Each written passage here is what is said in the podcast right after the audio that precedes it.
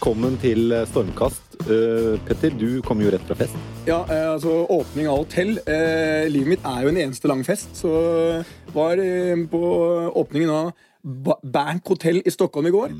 Det, det hotellet er helt fantastisk. Det er ikke ditt. Eh, og Sånn det er kanskje det eneste som ikke sånn er fantastisk ikke- med det. Men jeg har en liten eh, Jeg har en liten del av det. Men det er jo fest i studio her i dag også. Det er det. Vet du hvorfor? Dette er alt det jeg drømmer om å ha som gjester. Dagligvare, det er liksom der jeg var født. Og så er det hoffleverandøren av penger her i dag. DNB er til stede. Ja. Altså, Jeg ble varm om hjertet. Og hva skjer i åpningen, Per? Nei. Begge uttrykker sin kjærlighet til henholdsvis Detif og Klæren-kjeden. Ja, og vi må si at vi hadde jo eh, den ene gjesten, da, Benedikte Skilbred Fasmer. Velkommen, Benedikte. Tusen takk. Du har jo med deg et nøkkelkort som du glemte å levere tilbake til Klarion hotell i Arendal for Ja, ja, var det forrige uke. Du verden, for en, eh, for en god kunde, Petter. Altså, Jeg vet jo at det er veldig mange som tar vare på disse kortene, fordi de, de har så gode opplevelser. De har det så fint, de vil ha det med hjem som et minne. Det er, det er, det er et alternativ til Instagram-stories. Så tar de med det. Få et håndfast bevis på disse fantastiske minnene. Hvis du ikke gir deg nå, Petter, så må, vi, så må vi begynne å klippe her. Vi eh, må ønske den andre eh, gjesten velkommen også. Carl Munthe Kaas fra kolonial.no. Velkommen. Takk skal du ha. Ok, Da har vi eh, introdusert gjestene. Skrytt litt av et Klarion hotell i, i Arendal, som ikke tjener veldig mye penger, var det ikke sånn? Det er helt riktig. Kan vi snakke om noe annet? Eh, Der ligner vi jo litt på kolonial.no for øvrig. Ja. Eh, Nei, for det, dere tjener jo penger i Arendal. Ja. Vi kjører. Tape penger, ja, Carl. Det kan du. Det kan vi. Kolonial.no øh, la jo frem regnskapet sitt nå i sommer, hvor det kom frem at dere tapte to millioner kroner i uka, sånn røftlig. Ja, mer. Ja, ja, ja. Enda mer, ja. jo- Ser deg jo høyner. Ja, ja. Og så øh, var det jo en uke der du måtte tåle ganske mye kritikk for businessmodellen. Det var mange som mente at dette kan umulig lønne seg. Og så gikk det én uke, øh, så fikk du en ny eier inn. øh, Kinnevik-gruppen, som bl.a. Står, for- står bak investeringer i Zalando. Dette er et selskap, svensk selskap som kan en god del om netthandel. Så da var du ikke Du var idiot den ene uka, så var du helt den andre. er jo sånn kort oppsummert. Hvordan er den, eh, den bølgedalen mellom idiot og helt? Er du idiot denne uka, eller? Eh, nei, nå tror jeg fortsatt jeg flyter på, på den nyheten i, i forrige uke, kanskje. Ja. Uh, inntil videre. Inntil det kommer noe nye regnskapstall, sikkert. Uh, men nei, det var litt morsomt, fordi vi, den avtalen var jo signert og klappet og klar den når, når denne første uka med all kritikken kom. Så vi satt jo der og visste hva som kom til å skje. Og og det var blandede følelser, på en måte, for egentlig så er det nesten litt gøy. Altså Det stormer der ute, og liksom Muppet-galleriet mener det ene og det andre, og så vet du noe annet selv, da. Eh, men eh, altså, jeg skjønner jo at det spekuleres. Vi har, vi har jo generelt vært ganske, eh, ganske tause på, på når vi kommer til å være lønnsomme, hvordan vi kommer til å være lønnsomme. Men det er fordi at man er først i et marked, så har man ikke lyst til å dele all den Gi oss eh, noen headlines her. Hva er burn-raten din nå i måneden? da? Jeg kan ikke si det, da. Nei, det, det må man vente til neste sommer, så kan det ja. komme nye oppslag. Men, men, men eh, dere tapte Hva var det mye tapte dere i 2017? Vi tapte eh, ja, nesten 250 millioner. Ja. Mm. Så da, da, da si at det går litt bedre nå, så du, du, du Jeg sa jo to millioner i tap i uka, men det var fem Ja, millioner i tap i uka. Ja, ja, men han, De er nok nede på to-tre. Si men si at du da halverer tapet. Mm. Så da har du jo cash nå til både å utvikle selskapet og tape penger. Ja. Mm. Men jeg kommer jo fra dagligvarebransjen. yes. Jeg digger hele ideen deres, appen deres, enkelheten. Mats, øh, min finansdirektør, han bruker dette. Mener det er helt genialt. Men det er et par ting jeg ikke skjønner. Og det er hvordan skal dere knekke koden ved kostnaden ved plukkerne, den fysiske håndteringen, distribusjonen ut. Du kjører hjem på et tidspunkt du selv kan velge. Det er helt genialt. Selv kan velge. Mm, mm. Og eh, Vi skal ikke gå i detaljer på at du får fem forskjellige poser med sannsynligvis fem forskjellige plukkere. eh, For det kan du bare se av hvor lite det er i hver pose, at det ikke er samme plukker. Men eh, det som er utfordringen, det er du har biler som kjører ut. Dette er som fly. Bilene, Når bilene står stille, tjener ikke penger. Tjener kun penger når det er i bevegelse. Jeg klarer ikke i en marginpressa bransje som dagligvare er, å forstå hvordan du skal tjene penger. Og derfor gleder jeg meg til å høre på deg i dag. Ja, ja. Nå skal du bare forklare oss, to stykker det er, at vi skal finne stoler lene oss tilbake og la Carl snakke? Nei, men han skal bare en tavle? Nei, du kan bare ta den der elevator pitchen på 60 sekunder. Hvordan skal kolonial.no Det er et godt utgangspunkt. Elevator pitchen for kolonial.no. Jeg, jeg, jeg skal si ting det, I'm gonna state the obvious. Jeg kan jo ikke fortelle altså, For, eh, denne forrige uke så var det jo noe kritikken på hvor mye koster å plukke en vare. Ikke sant? De tingene der kan jeg jo ikke gå ut med. Men jeg kan jo si på generelt grunnlag så er vår profitt den er enkel. Det er volumet. Og så er det ganget med bruttomargin minus operasjonskost minus distribusjonskost. Og close bracket. Og så må du trekke fra faste kostnader. Og, men poenget og det, det, det er jo det at alle, altså volumet er én ting, men de tre faktorene inni, altså bruttomarginen, operasjonskost og distribusjonskost, alle de tre påvirkes av volum. De er faktisk funksjoner av volum i seg selv. Så at eh, Bruttomarginen den øker med økt volum. Operasjonskosten den faller med økt volum, og distribusjonskostnaden faller med økt volum. Alt, alt det er ganske innlysende, egentlig. ikke sant? Altså Kjøper i større Men, men for å spørre på en annen måte, da. Hvor mange eh, butikkers omsetning må du ha? Og da tenker jeg på at Hvis du tenker at du erstatter fysiske butikker, Ja. hvor mange butikker vil det tilsvare før du går break-even? da? Det er en annen måte å spørre på. Ja, det, det, da, da spør man jo egentlig hva er break-even-nivået. Og det, det har Per prøvd å trekke ut av meg på tidligere podcaster, så jeg, kommer, jeg kan ikke si akkurat det, hva det er. Eh, Men, men, men, men det er ikke noen tvil om at det er høyt. Ikke sant? Og, og det er åpenbart høyere enn det vi hadde i fjor. Altså, omsatte du for 800 millioner. Riktig. Og for, for bare å sette det for de lytterne som ikke forstår hvor lite 800 millioner er i dagligvarebransjen, så er det som en middels stort oppsvarehus eller som en ganske stor dagligvarebutikk. De omsetter for over en halv milliard. Nei, det er altså den aller største menybutikken er- omsetter vel for 400 millioner. Ja, den ligger på CC. Men, men eh, et oppsvarehus omsetter veldig mange av de for over en milliard.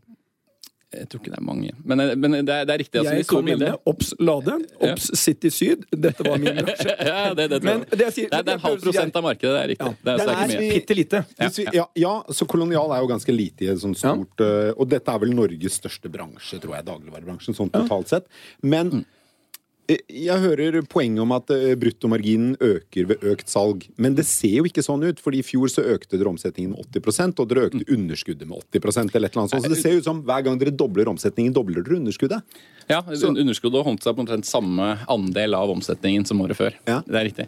Så, eh, nei, men altså, Denne funksjonen, bruttomarginen, den, den går stadig oppover. Men operasjonskosten den vil svinge. Og så, hadde vi også vi hadde store eh, renovasjoner og oppgraderinger vi måtte gjøre på lager i fjor.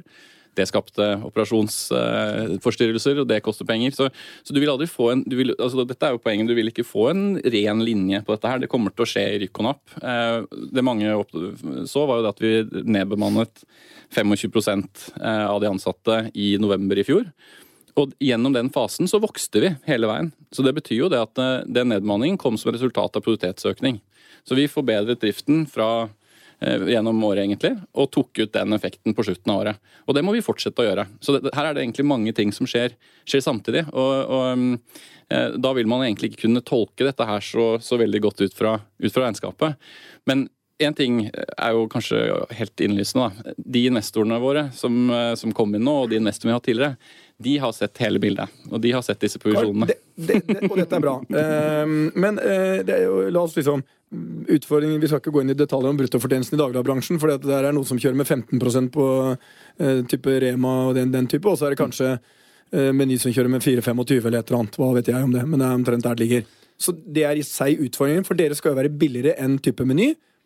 Og så har dere en Ja, vi- Ja, dere er kanskje Vi, vi ligger jo i disse VG-testene. Det er jo svært bittert for oss å ikke være, å ikke være med i dem. Fordi eh, hver gang det er en sånn VG-test, så sjekker vi i hvordan hadde vi gjort det. Og jevnt over så hadde vi jo ligget helt nede på lavpris. Altså ned mot Kiwi og Rema. Men du har, et, du har et konsept, du har et produkt, du har en idé som er genial for de som bruker den. Som min Ja, jeg er kunde av Kolonial. Ja, det også, og det er, er, superenkelt. Ja, alle, alle som bruker det. Men det er et annet utfordring som jeg tenkte på. Det der er et Oslo-fenomen for mennesker som trenger liksom ja, unger og skal få logistikken til å gå opp. Og det er greit. La oss si at du lykkes i Oslo, men så skal du til Drammen eller Skien. Hvordan skal du klare det? Ja, vi, vi er jo der allerede nå. Vi leverer til Lillehammer, og vi leverer til Fredrikstad. og eh, Hvor- hvor- hvor Skien går varene fra? Det er, også, det, er også, det, er, liksom det jeg har lurt på aller mest med Kolonial, det er den det er den logistikkbiten av det. Fordi nå, i- nå i dag så distribuerer du vel fra Lillehammer i nord til Tønsberg i sør, sånn røftlig. Er det ikke det, Ja, ja, triangelet. Så jeg bor på Ullevål i Oslo, og der er det sikkert en hel haug med småbarnsforeldre som er kolonialkunder, sånn at der kan du kanskje maksimere. Du kan liksom stappe lastebilen full, og sjåføren kan nærmest gå fra dør til dør med disse posene, vil jeg tro. Mens på Lillehammer, da, hvor mange kan det være? Altså, hvis det er Si det er fem småbarnsfamilier som skal ha matvarer på Lillehammer, så må jo denne lastebilen likevel kjøre opp fra sentrallageret deres, for dere har ett lager. Kjøre den veien to, to og en halv time opp til Lillehammer hvis det ikke er kø. Uh, Da kjører du fort. Da, ja, da, kjører, du- ja, da, da, så blir det prikker i lappen, ja. Altså. Og så finne disse fire-fem familiene, Mm. og så kjøre hele veien ned igjen. To, to og en halv time hvis det ikke er kø og du kjører for fort, så du egentlig burde hatt prikker i lappen. da. Ja. Så basically, der har du én arbeidsdag på å levere til fire-fem-seks familier i Lillehammer. Det er i hvert fall sånn jeg tenker det i hodet mitt. Er det sånn?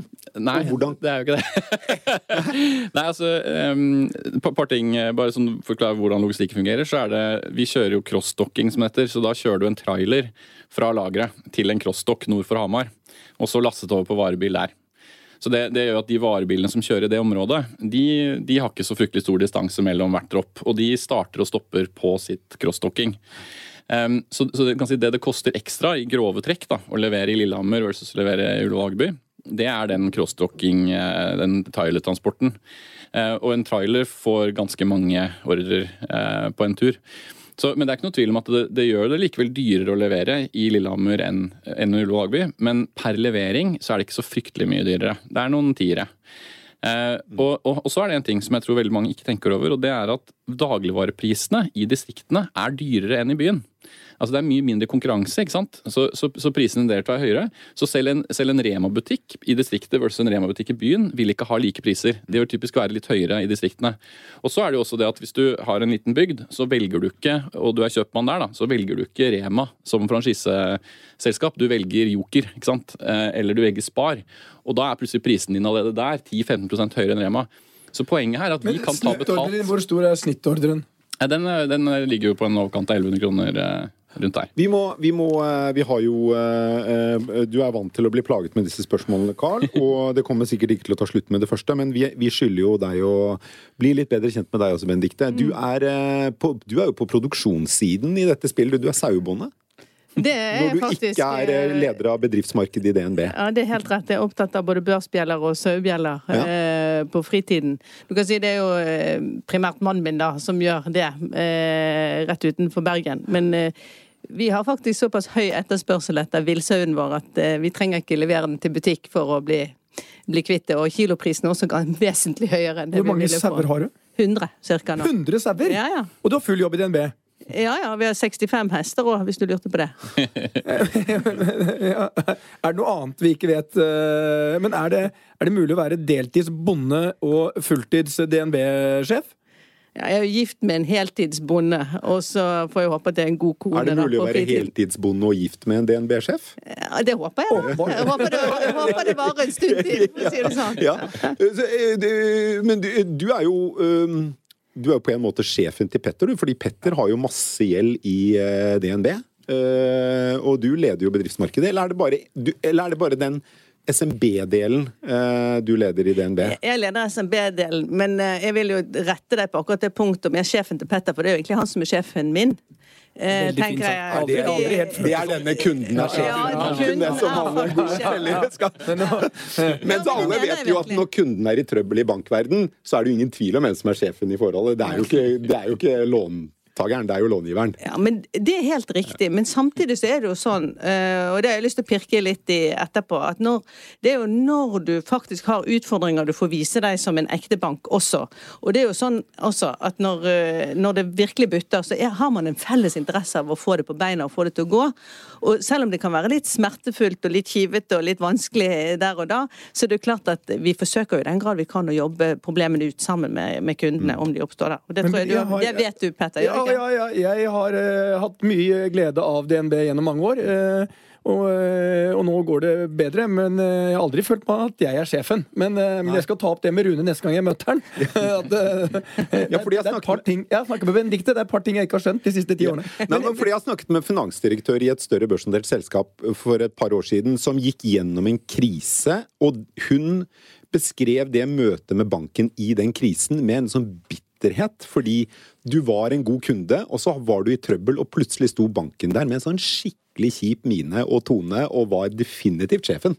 Ja, men jeg, det er jo altså den seriøse delen men Jeg har ikke opplevd det sånn, og jeg har hatt noen tøffe tider. Men jeg har et spørsmål. For når vi snakker om kriser og bedrifter i kriser Men ikke er det sånn hvis du i din divisjon får et selskap mm, type Colado.no eller Ja, et eller annet, ja. som kommer i problemer. Er det din divisjon som monterer da, eller går det til sånn bad bank-divisjon vi hadde i gamle dager? Eh, det, vi har jo laget en, en, en divisjon i banken som tar hånd om de mest problemfylte engasjementene, nettopp for at ikke det skal forstyrre. Og det er jo spesielt innenfor offshore-segmentet, hvor det har vært såpass mange og store engasjementer som er i, i problemer. Da, at da blir det veldig spesialisert. Hos meg så jobber vi det ganske godt ut lokalt i den grad vi kan, og hvis det blir litt størrelse og lengde på det, så setter vi på eh, de som har det som sitt spesialfelt. Eh, Og jeg kan jo få lov å fortelle, det var jo sin kunde som hadde vært innom denne her eh, spe, eh, spesialengasjementsavdelingen, Spesseng, som vi Der vil du helst ikke være. De Ja, som, og- og det er der du helst ikke vil være. Ja, men det som var herlig, da, det var jo at uh, han var nordlending, han karen her, så han hadde vært en tur innom hestkukavdelingen. men han var veldig fornøyd med å komme ut igjen, da. Ja. Og nå er han fremdeles DNB-kunde. Veldig fornøyd DNB-kunde. Ja. Hva slags bank bruker du eh, og Vi kolonialkart? har også DNB. Har dere DNB? Ja, vi har det. Vi kjenner hverandre fra før, for å si det sånn. Mm, Så, men eh, vi har ikke helt fått, eh, fått tilgang til de store kredittlinjene ennå, så det gleder jeg meg jo til å, å få en Er det vanskelig for dere å få kreditt fra, fra banken?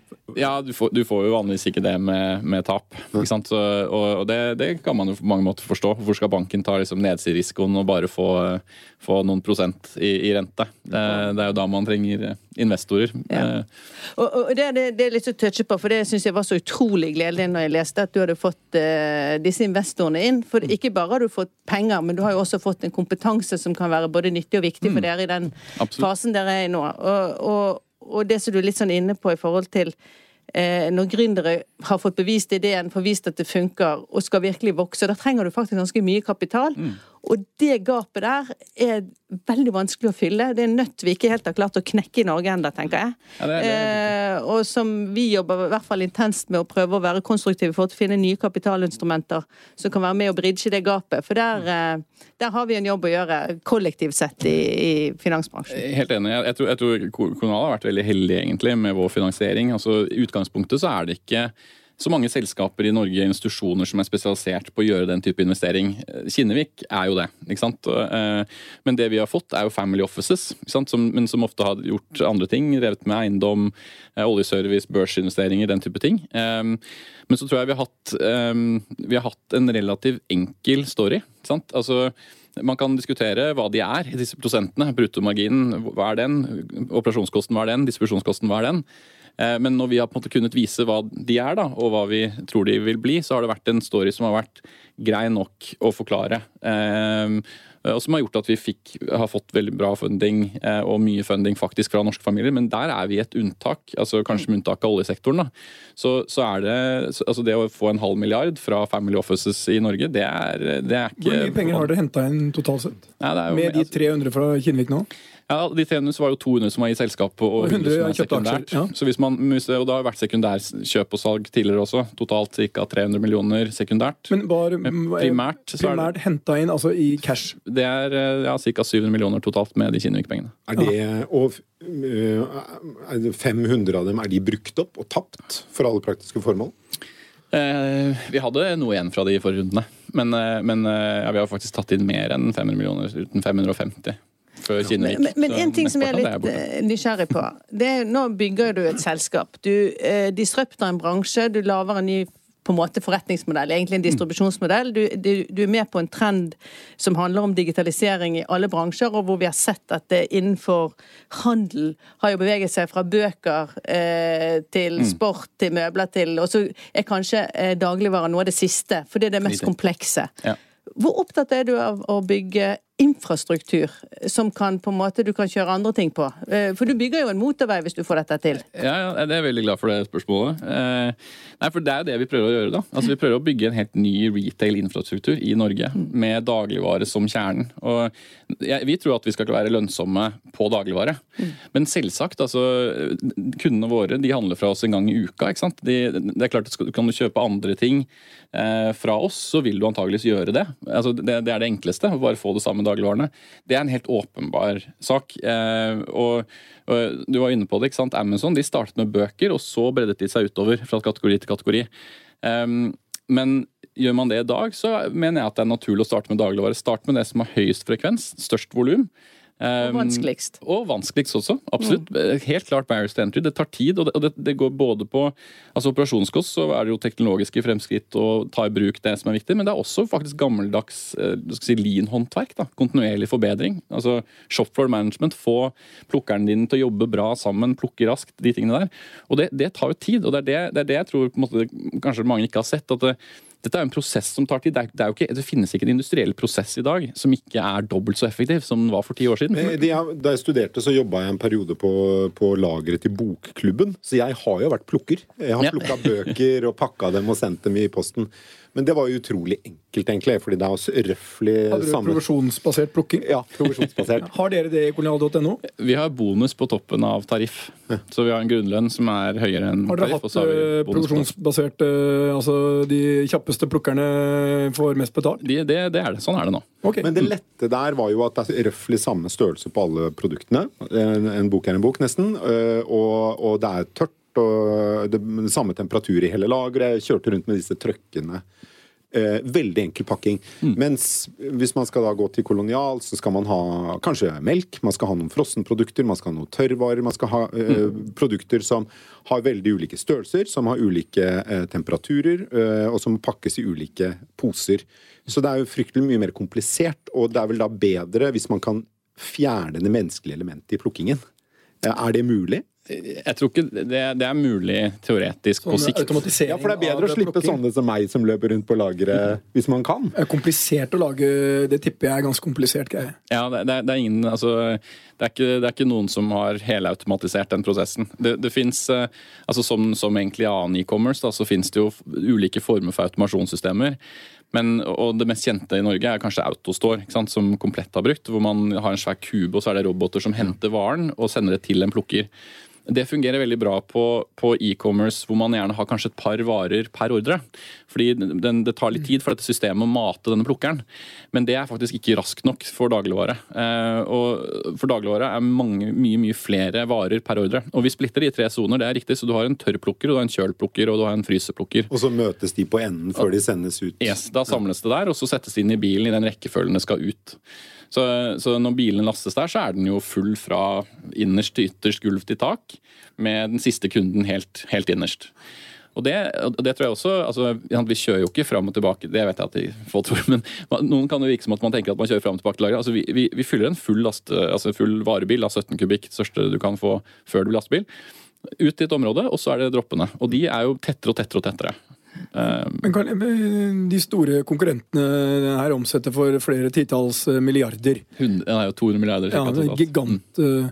Uh, og Lidl, et gigantkonsern, forsøkte seg i Norge og måtte pakke sammen og dra tilbake til Tyskland. Uh, uansett om de var, uh, hadde en gigantisk kapitalbase. Ja. Og med en bransje som har ekstremt liten margin før skatt. Mm. Og når, når jeg hører på hva Per sier liksom om plukker og distribusjon og sånn og du skal være billig Hvorfor, hvorfor kunne ikke sagt at det skal være 10% dyrere, for jeg sparer deg for masse tid? Altså, Mm. du må, Det er et eller annet sted det, Logikken svikter for meg. Og det er på I en sånn lavmarginbransje så må du ha høyere distribusjonskostnader uansett. Du plukker varene, du kjører ut Lillehammer hvor Altså, kostnad per enhet blir høyere. Og den 4-5% du har igjen til slutt, eller en vanlig stor dagligvarekjede har igjen til slutt, den blir borte. Nei, det, det, du tar nok noe forskuttere litt der, da. Ja, ja, eh, altså Jeg prøver jo å forenkle dette. Det er derfor du har tjent, eh, blitt stein rik. Bevisbyrden er på deg, Carl. Jeg- jeg- Du har eh, aksjer for 200-300 millioner og 300 millioner i kassa og er på den grønne gren. Jeg bare prøver å være litt stille spørsmål. Jeg, jeg, jeg, er papirmillionær, men eh, det er, eh, det er noe annet enn eh, enn cash. Men eh, em, altså eh, Hvorfor vurderte du ikke å selge lite grann når Kinnevik kom inn? Jeg- De, så- de kjøpte aksjer for 100 millioner av andre, Ja. og null fra Carl. Nei, de, de, jeg solgte for én. Én Ja. av 224. Eh, Ja, 200 cirka. Mm. Ja, altså to, og det- Hvorfor solgte du ikke for 20 for å sikre deg? Jeg trenger ikke mer penger enn det. Det- Og så har jeg jo litt tro på dette jeg driver med. Så Så du kjører konseptet fra dagligvarebransjen. Alle egga i én kørg. alle egne egentlig. Og tilbake, og tilbake til spørsmålet til Petter, da. Eller sånn som jeg husker spørsmålet, i hvert fall. Er det mulig å tjene penger i dette? Og Ja. når, når ingen Altså- eh, eh, Når knapt noen andre lykkes med dette i verden, eh, og når da disse gigantene som har opp mot 200 milliarder kroner i omsetning bare i lille Norge, ligger langt unna det markedet. Altså, altså For å ta Lidl, da. De, de prøvde seg det riktig, og Lidl er jo altså, blodeffektive. Virkelig. Dette er liksom eh, altså, De er hardnet i et tyskt eh, marked med mye lavere bruttomargin enn vi har i Norge. Eh, eh, og Norge er det eneste landet de feilet i. Og Årsaken var at de fikk dårlige innkjøpsbetingelser. og altså, Leverandørene ville ikke ha dem her, eh, og ikke kjeden heller. Det, det, men dette er en annen diskusjon. Da bruker vi resten av tida på det. Men, men Altså, en ting, for, første, så, for å starte med bruttomarginen, så har vi faktisk besparelser oppstrøms. Det tror jeg ikke mange tenker over. Eh, men, ligger du i oppstrøm? Nei, altså fordi eh, den, de, de marginene du refererer til, da, som hvis du ser på regnskapene til en Rema-butikk f.eks., så, så ser det ut som at de, der har de 15% 16% bruttomargin. Det, det, er det de ender opp med å ha da i, i butikken, ferdig på en måte levert. Imellom der så er det et distribusjonsledd som, som tar ut en del eh, kost. Og så er det et, en, en overhead til konsernet. Vi, vi, opererer med hele den stacken i utgangspunktet. Og vår distribusjon eh, den går i stadig større grad rett fra fabrikken, altså fra Grandiosa-fabrikken, til vårt lager. I stedet for at det går via en distribunal. Så, der, så der, har en, der, har du en, besparelse på, på, noen prosent. Og så tenker jeg, Det er jo altså, noe med det konseptet som dere lager. Du sparer jo også ganske mange kostnader i forhold til at du trenger jo ikke de fysiske butikkene. Hvis du tenker deg om, så er jo de ofte lokalisert på eh, tettbygde strøk hvor det er en del mennesker, og hvor det, husleien eh, også er ganske høye. Så, og det elementet blir vel også litt rimeligere hvis du kan drive fra et sentrallager et sted, sånn som du gjør. Absolutt. Eh, jeg tror vi må, vi må begynne å, å runde av denne bolken. Vi skal snakke mer om gründerskap, som eh, Carl er et eksempel på. Mm. Uh, men vi håper jo det går bra, da, Carl. Det må vi ja. si. Ja, det er, absolutt. Det er, vi heier på, vi heier på kolonial. Ja, vi gjør det. det er jo både utrolig kult at noen tør å satse uh, så hardt uh, og så tungt i et marked som er så etablert, med så mye konsentrert makt og som gjør livet så vanvittig mye deiligere for sånne som meg, med tre små unger hjemme. og Det er, eh, det er deilig å få mm. maten hjem. Mm. Ja, jeg si. og, og, eh, jeg syns det er eh, spesielt hyggelig at et stort svensk, veldig anerkjent selskap går inn med et ordentlig svært beløp på Kolonial Detonia. Det syns jeg er morsomt. Og det de færreste vet når vi snakker om bank En av de som faktisk finansierte en del av de, de som i dag er noen av de store bedriftene i Norge, annet Norsk Hydro, det var Wallenberg-familien. Det var, Norge, eh, det var før olje, gass og laks og eh, sauer og et. Altså, dette var før Norge ble rikt. Da var de der. Så, eh, og det tenker vi ikke så mye på. Og derfor er overgangen fantastisk til gründere. Som... Men, du, men, vi har lyst til å ta opp ett lite poeng der. For det, Ja, det er veldig hyggelig at du har fått pengene dine, og ja, det er utrolig hyggelig at de som faktisk er proffe i bransjen, har sett det du driver med, og ser det potensialet eh, som fortsatt ikke alle andre klarer å se beautyen i ennå. Eh, men det som er jo et lite paradoks. Er jo alt annet like, så vil en svenske være villig til å betale mer enn en norsk investor for en norsk bedrift. Fordi eh, skatt er Ja, nettopp. Vi er på formuesskatten. Eh, slipper ikke unna formuesskatten. Kom liksom, Du kjente hvordan den kom inn! Kom snikende inn, og du tok det! Jeg trodde hun kom med et eller annet sånn rørende ja, ja, ja, om eh, en norsk-svensk union og sånn. Nei, det var formuesskatten, ja. Ok, vi stopper der. Formuesskatten har aldri stoppet oss fra å skape nye, store bedrifter bedrifter i Norge. Nei. Og det er vel egentlig et luksusproblem, hvis vi skal være helt ærlige. Det er det. Vi, vi, må, vi må, over på neste bolk, Petter. Det er jo generelt sånn, Petter, at uh, store, etablerte bedrifter optimaliserer driften og prøver å ta ned arbeidskostnaden som andel av verdiskapingen mest mulig. Altså, de, Det er ikke de som skaper jobbene, mens de som skaper jobbene sånn generelt, det er de nyoppstartede, entreprenørene, gründerne. Og Derfor er man jo så opptatt av gründerskap i Norge og ellers i verden, fordi det er der jobbveksten i hovedsak kommer. Og Benedicte, dere har fått gjennomført en undersøkelse nå som mm. viser at det er for få gründere i Norge. Mm. Kan ikke du si litt om det? Jo, det kan jeg si litt om. Og poenget med øvelsen er egentlig litt å snakke om det gapet som vi på fem milliarder som for å dekke opprettholdelsen av den norske velferdsmodellen, og hvordan vi kan dekke det underskuddet.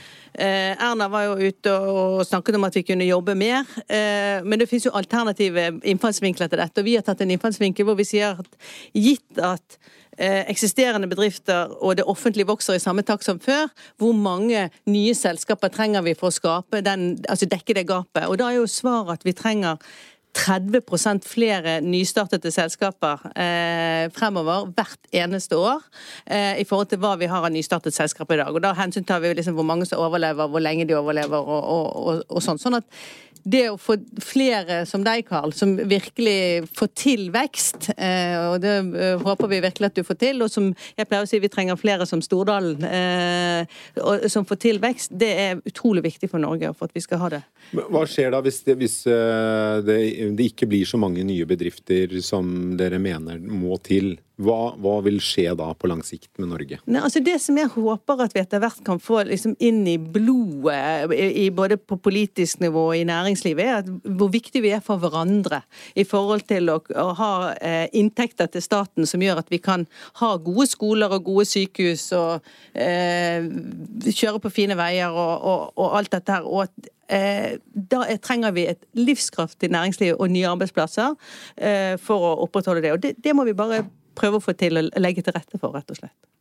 Men, men eh, jeg, jeg, jeg, skjønner jo veldig godt det at det er viktig med gründere og nye selskaper og folk som tør satse, men, men eh, vi har jo da over lang tid hatt eh, lite nyskaping, altså få nye bedrifter sammenlignet med en del andre land, og kanskje hovedgrunnen til det er at vi har hatt en olje- og offshoresektor som har liksom absorbert. Altså, det har nesten ikke vært mulig å satse på noe annet, fordi den har vært så ekstremt lønnsom at alt annet enn å investere i olje ville vært galskap, på en måte. Med liksom så, så våpensmuglingsmarginer som har vært i oljebransjen.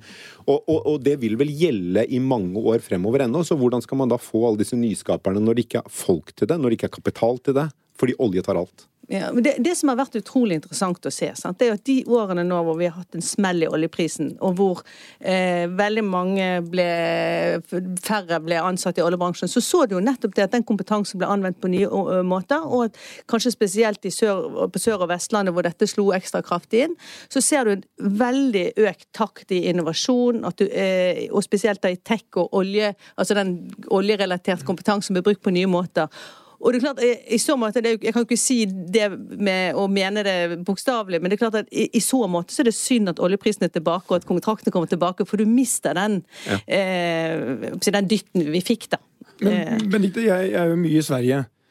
Og det er, jeg vet ikke om det bare er mitt inntrykk, men jeg, det, det er mitt, altså jeg har en sånn følelse av at ikke bare respekten men hele, det der, hvor, hvor, hele entreprenørskapet, gründergreiene Når jeg kommer til Stockholm, det er liksom et sånn tech og uh, gründermiljø der. Så det er sånn enormt pulserende. Og så kommer det ut selskaper altså, som blir verdt flere hundre milliarder fra det miljøet. Og de eh, snakker om å ta opp penger. Mm. Spotify, som sitter rett ved siden av meg på Brunkeberg torg, tapte jo 5-6-7 milliarder eller noe nå, og ble prisa til over 200 milliarder. Det har snart vært 300. Men hvorfor klarer svenskene og når jeg hørte liksom at 25% av alle startup-penger liksom havna i Sverige, kanskje spesielt i Stockholm, og så sitter vi her i Norge. Hva er det som gjør Vi som har arven etter Amundsen og Nansen, vi som har alt som gikk ut og torde å gjøre nye ting, hvor forsvant det, liksom? Vi burde vært mye bedre på dette enn svenskene.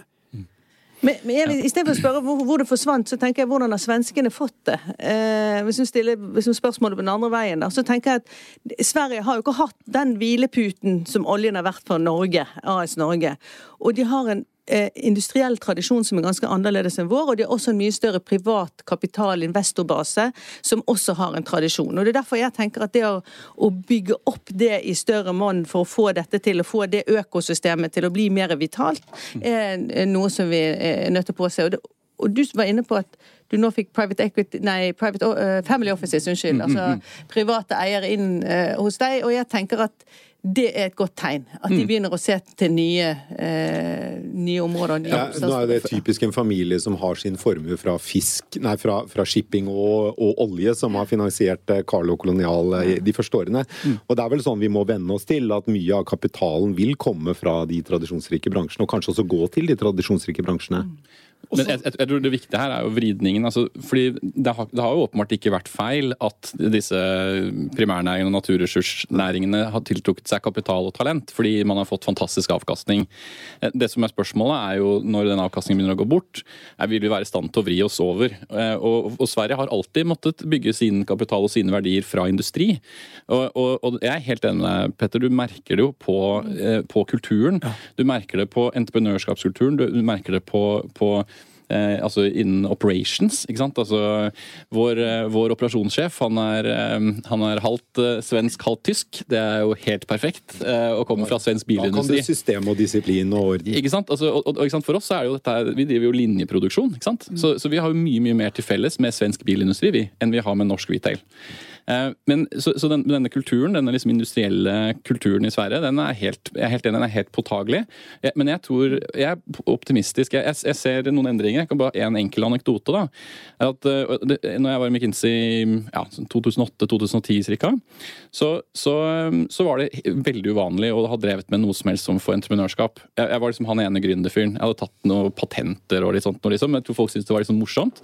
Men når jeg slutta i McKinsey for å begynne å jobbe med, med, med gründerskap begynte å jobbe med kolonial tidlig, så var det veldig uvanlig. Og jeg tror en del tenkte liksom hvorfor begynner du ikke bare i Statoil, da? Liksom, ikke sant? Eh, nå er det ca. 50% av de som slutter i McGinsey nå, begynner med startups. Enten som gründere selv, eller til og med opp på direktør- og senior-partnernivå som, eh, som investorer. Um, og det er jo en, det er en fantastisk greie. Så det, det skiftet det, det er på en måte i ferd med å skje. Og, og jeg husker at jeg tenkte som samfunnsøkonom at det var så trist at all den, alt det talentet endte opp i etablerte bedrifter. For det, det virket som en skjevfordeling for meg. Jeg tenkte det er jo masse nye selskaper som trengs å drives bra, de òg. Talentet må liksom vri seg over, og det har jeg jo til min glede sett de siste Men må vi begynne årene. i skolesystemet og fortelle liksom at eh, det der å starte opp og lære hvordan det er å starte opp bedrifter og, og få bort det der stigmatiseringen det er om du går konkurs. Altså Når du drar til, når du er i New York, så er det sånn Det er nesten overraskende at liksom, hvis du har laga en stor bedrift at det ikke har gått konkurs. Og der er det helt motsatt. Det, er helt, det forventes at du liksom går på trynet et par ganger før du virkelig kommer i gang. Men i Norge så er det litt sånn vi, vi peker litt på det. Hadde, det kunne jeg vel sagt til der det gikk rett eh, åt skogen, liksom. Men og jeg, jeg, sånn, For jeg tror det er viktig at vi nå begynner å forberede oss på at en gang så tar oljen slutt. Og, da, og det nytter ikke å begynne på når den tar slutt. Vi må begynne nå. Vi må få fornyelsen, vi må få opp liksom eh, hele den der underskogen av sånn som Carl. Som må gå ut og forsøke på ting som ikke handler om olje og gass.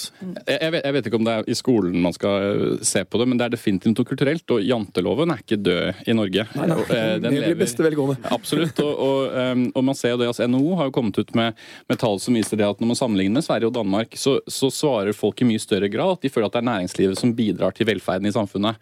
Og i Norge så svarer folk at det er i liten og mye mindre grad. Og det, det syns jeg som samfunnsøkonom også er, er bekymringsverdig. Altså at, at, at folk ikke skjønner at næringslivet skaper verdi. Og, og Vi har snakket litt om dette her tidligere, Per, men for eksempel da, så snakkes man jo masse om våre tap og, det, og våre formuer. Når, når Kinnevik kommer inn, hva er forsiden i ideen? Jo, at gründerne tjener 700 millioner og, og, mens vi taper masse penger. Og Det er liksom et slags paradoks. For, det er ingen som snakker om samfunnsøkonomisk verdi som skapes av det vi driver med. Altså Vi, vi, kommer jo, vi, har, vi genererer jo konsumentoverskudd. altså Tusenvis av kunder som sparer masse tid hver uke. Det er en kjempe samfunnsøkonomisk verdi. Og den, økonomi, den verdien der den kommer for alltid til å være mye større enn vårt profitt. Du, du mener nærmest at kolonial.no burde vært subsidiert av den norske stat fordi vi effektiviserer Nei, det- det familier sånn her? Det er en helt Denne, den, denne kom akkurat like overraskende på meg som formuesskatten kom fra Benedicte. Men det er, jo, det, er jo, det er jo flott at vi kan bli overrasket innimellom, du og jeg. Ja, det er veldig bra. Vi er, vi, vi er jo langt på overtid i forhold til våre er ambisjoner om en halvtime per eh, episode. Ja. Og vi har jo en post til på programmet, nemlig Ukas bær. Eh, ditt favorittbær er vi enige om. ja. Og denne uken har vi ikke vært i tvil om hvem som skal ha det bæret, Petter. Det var dama som jeg husker best fra følgende. Nå jukse meg litt. Ja, Som hun ikke engang har funnet på selv, men uh, Trond Kirkevåg tror jeg en gang tidlig på 70-tallet som gjorde det i en parodi. Og hun syntes den var så morsom at hun tok den over og gjorde den til sin egen. Ingrid Espelid Hovig. Hun døde for noen dager siden, ble begravet uh, denne uken og, uh, og var jo en fantastisk kvinne. Helt, det er jo helt utrolig eh, Hun ble jo 94 år, og så måtte levd et langt liv. Men hun var med å forme en hel generasjon på vår, eller i hvert fall min alder. Det var jo hun som var liksom matmora i Norge. Altså Hun var på TV hver uke. Og, og så ble hun, jo, ble hun jo stor og en viktig TV-personlighet samtidig som ferdigmaten for alvor ble introdusert i norske husholdninger. Og så hun sto som en motvekt, en sånn helsemotvekt nesten til alle disse Toro-suppene Toro som jeg i hvert fall vokste opp på. Eh, men Ingrid Espelid Håvik, en fantastisk dame. Vi, eh, husker, jeg tror alle, alle, alle liker Ingrid Espelid Håvik. Eh, er vi ikke enige om det? Er jo det som, Hva heter det? Det, en, det, det, her, det her blir det første og sannsynligvis eneste bæret vi deler ut post mortem. Post mortem eh, og høyst fortjent, så Absolutt. takk til henne. Vi eh, må runde av nå. Eh, takk skal dere ha, Benedicte Skilbred Fasmer i DNB og Carl Munthe Kaas i Kolonial. Vi har snakket veldig mye om mat på nett, eh, eh, og det har vært interessant. Neste gang, Benedicte, så må vi snakke mer om bankvirksomhet. Du er jo med i stallen vår, eh, så vi må snakke om bankvirksomhet og sauebondevirksomhet, kanskje? Kanskje vi skal snakke litt om sauene? Ja, og fòrsituasjonen. Og fòrsituasjonen, ja, altså av tørken. Vi ses igjen neste uke, vi, Petter. Hver uke.